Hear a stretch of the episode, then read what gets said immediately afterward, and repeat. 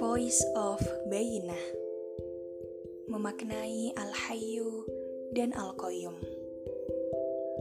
Oleh Ustadz Noman Alihan Diintisarikan oleh Indri Jangko Dan dibacakan oleh Nanda.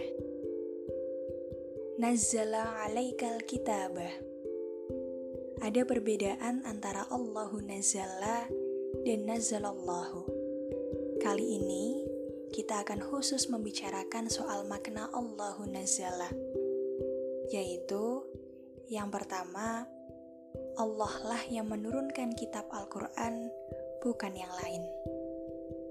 Ini adalah respon atas pertanyaan bahwa Al-Quran berasal dari setan dan bahwa kitab sebelumnya dari Tuhan, sedangkan Al-Quran tidak.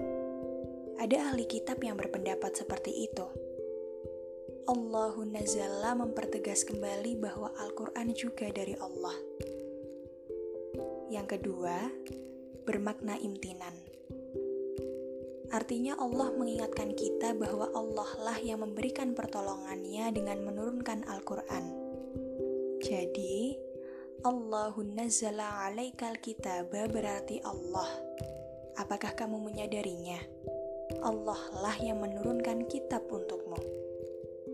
Makna imtinan ini berkaitan dengan isu tentang mindset. Mempelajari Al-Quran ada seninya. Mempelajari Al-Quran berbeda dengan mempelajari buku lain. Ia membutuhkan reorientasi terus-menerus bahwa Al-Quran adalah kebaikan dan pertolongan dari Allah yang diberikan kepada kita.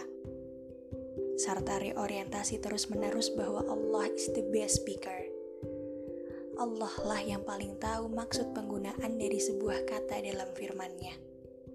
Ketika kita belajar Al-Quran, kita bisa saja kehilangan beberapa isi pada hal-hal tertentu, sehingga kita kehilangan seluruh alurnya, kita melewatkan intinya.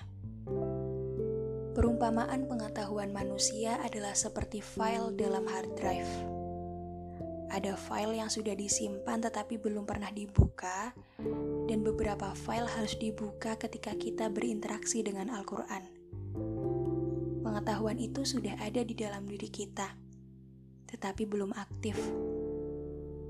Kita mungkin tahu sesuatu hal, tetapi kita tidak menyadari ternyata nilainya relevan pada momen tertentu. Sehingga, reorientasi dengan makna imtinan tadi harus terus-menerus kita lakukan setiap kali kita belajar Al-Quran.